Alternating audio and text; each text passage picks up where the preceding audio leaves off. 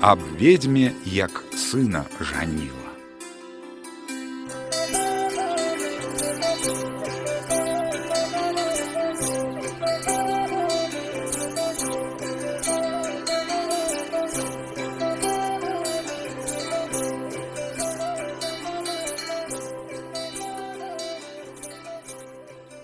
У адным дварэ надта было многа пшаніцы, а тую пшаніцу вазілі цёнгле да якогось месца.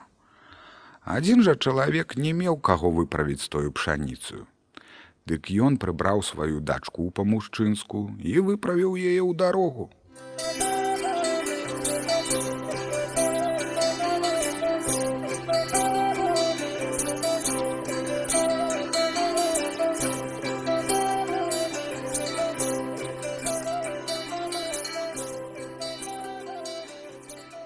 Ехала яна з таю пшаніцаю, пачаў ёй воз ламацца. Тыя фурманкі і паехалі, ды і паехалі, а яна засталася. А сё ж прыязджае на трайчастую дарогу, ды і не ведае, у каторую ж ёй ехаць. Нарэшце уехала ў нейкі лес, а сё ж пачало і вечарэць. Ах, ліхачка, а што ж мне тут рабіць? Едзе яна далей, а сё ж глядзіць у лесе некаясь хата. Так захацелася попрасіцца на ноч. Прынялі яе с ахвотаю, а то была вядзьмарская хата. І ў тых ведьмароў быў адзін сын. Зара яны завялі яе коня і недзе паставілі, а яе ў хату клікнулі. І так уже, як там частуюць, прымаюць. Той сын думае, што яна мужчына, а маця кажа: « Не, дзеўка, і не пускаюць яе адсе і дзержаць. А сё ж той сын з бацькам усё спрачаецца, ён кажа: « То ж мужчына, а яны не дзеўка. А сё ж быў ёй сабачка, который за ёю з дому бег. А што ён толькі пачуе, што яны між сабою гавораць, так зараз жа ёй і кажа. Аднаго разу кажа ён ёй так: Пашлюць цябе да кірмашу, а самі будуць здалёк назіраць, што ты будзеш купляць, ці жаноцкае, ці мужчынскае. То глядзіш ты, май розум, бо яны ця хочуць са сваім сынам пажаніць.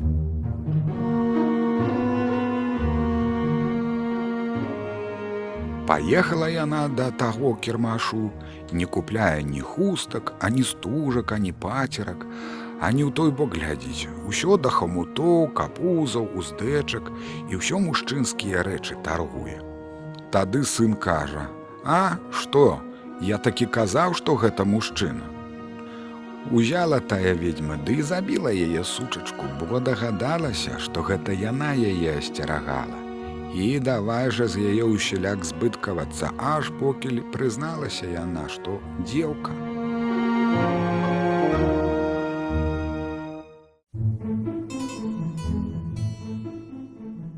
Так дзяцюк той, канешне, ужо хоча з ёй жаніцца.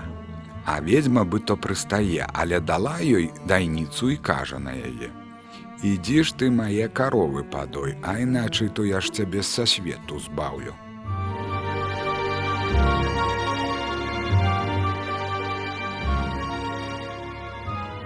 Выйшла яна ўжо з тае дайніцу і так плача, так плача, бо нідзе ж ні адной каровы следу няма.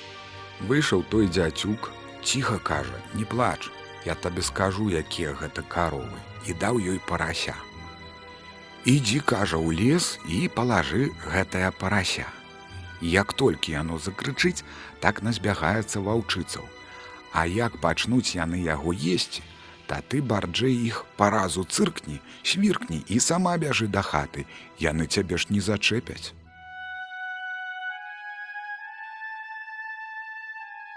Так ён сказаў, так яна і зрабіла.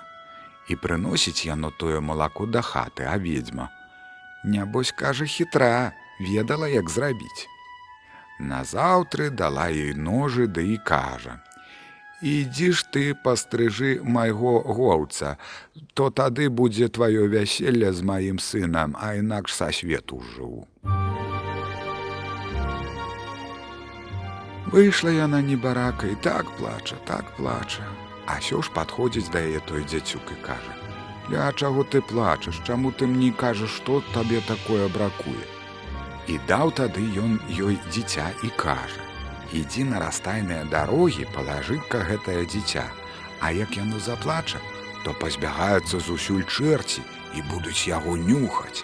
А ты тым часам у кажнага астражы па космачку барады ды прынясі ей, гэта будзе яе воўна.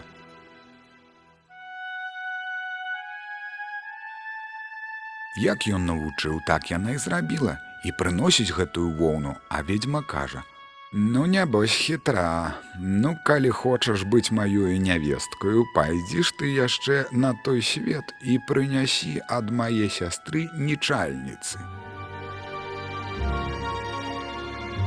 Выйшла яна, бедна на двор плачучы, А сё ж ведьмін сыны кажа: « Дурню ты не плач, і даў ён ёй клубок ніткі і кажа: « Дзе ён будзе кадзіцца, ото ты туды ідзі. І даў ён ёй пшаніцы жменьку. Спаткаеш ты на дарозе гусі, пасып гэту пшаніцу няхай клююць. Потым даў ёй сыру, спаткаеш ты яшчэ кату.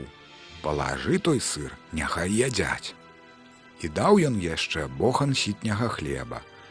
Ты там кажаш, спаткаеш сабакі, і палажы ім, няхай таксама ядуць. І ўнарэшце даў ён яшчэ іх фаску масла і кажа: « Як прыйдзеш па дзверы, то пастаў каля іх гэта масла. А як ведьма дасць табе есці, то ты, што першы раз укусіш, так трымай за левы шчакой, бо яна спытае, каб ты аддала, то ты і аддай. Як ён навучыў, так яна і зрабіла увайшла да ведьмінай сястры кажа: « Цётко, твоя сестра прыслала мяне па нечальніцы. Яна ёю той момант дала нечальніцы і пачала частаваць, А як уже тая дзеўка пад'еўшы дзякавала яна і кажа: « Аддай мне тое, што ты першы раз укусіла. Так яна выняла за левыя шчакі і дае, А ведьма адно галавою закруціла. Выходзіць яна за дзверы, а яна кажа: « Дзверы дзверы, забейце яе. А що ж дзверы за гэта?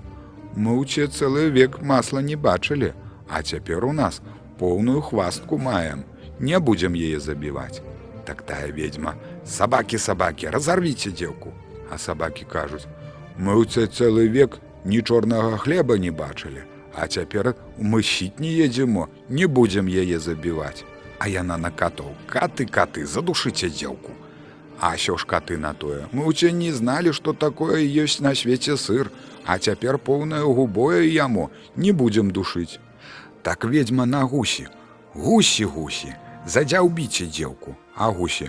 Мы ўце не ведалі, што якая пшаніца на свеце есть, А цяпер паглянь, якую хорошую яму, не будзем дзяўбці. І так яна прыйшла шчаслівая да хаты і аддала ёй нечальніцы. А що ж ведьма, Ну ідзі ж ты, кажа, мой рот на вяселле пасклікай. Яна небарака так ужо плача, выйшаўшы на надворак, бо чорт яе ведае, дзе радню гэтую шукаць. А сё ж выйшаў той дзяцюк і кажа: « Ціха дурню не плач і даў ёй конскую галаву. Ідзі кажа з гэтай галавою, стань пад крыніцаю, залажы гэтую галаву, на сваю голову і ўсё ківайся стоячы ўсё ківайся. З крыніцы ўсё будуць чэрці вылазіць і ісці да яе на вяселле. А як вылязе апошні тык дасць табе па галаве галава гэта ўпадзе на зямлю і ты падай. А ён сам паляціць бо думаць будзе што ця ён цябе забіў. Тады ты ўстань ды ідзі назад да хаты Ён так навучыў яе яна так і зрабіла Прыходзіць яна да хаты, а що ж ведьма сядзіць за сталом, абсадзіўшыся падаўкол чарцямі. Так яна адно глянула на яе, так нібы ўсцешылася і давай рагатаць, нібы яна такая радая. Рагатала, рагатала, ды і лопнула, А чэрці за стала парвалі тыя лёльхі, ды і пашлі праз комін. Тады яны ўдвойчы і пажаніліся, і добра ім усё ж гэтае было.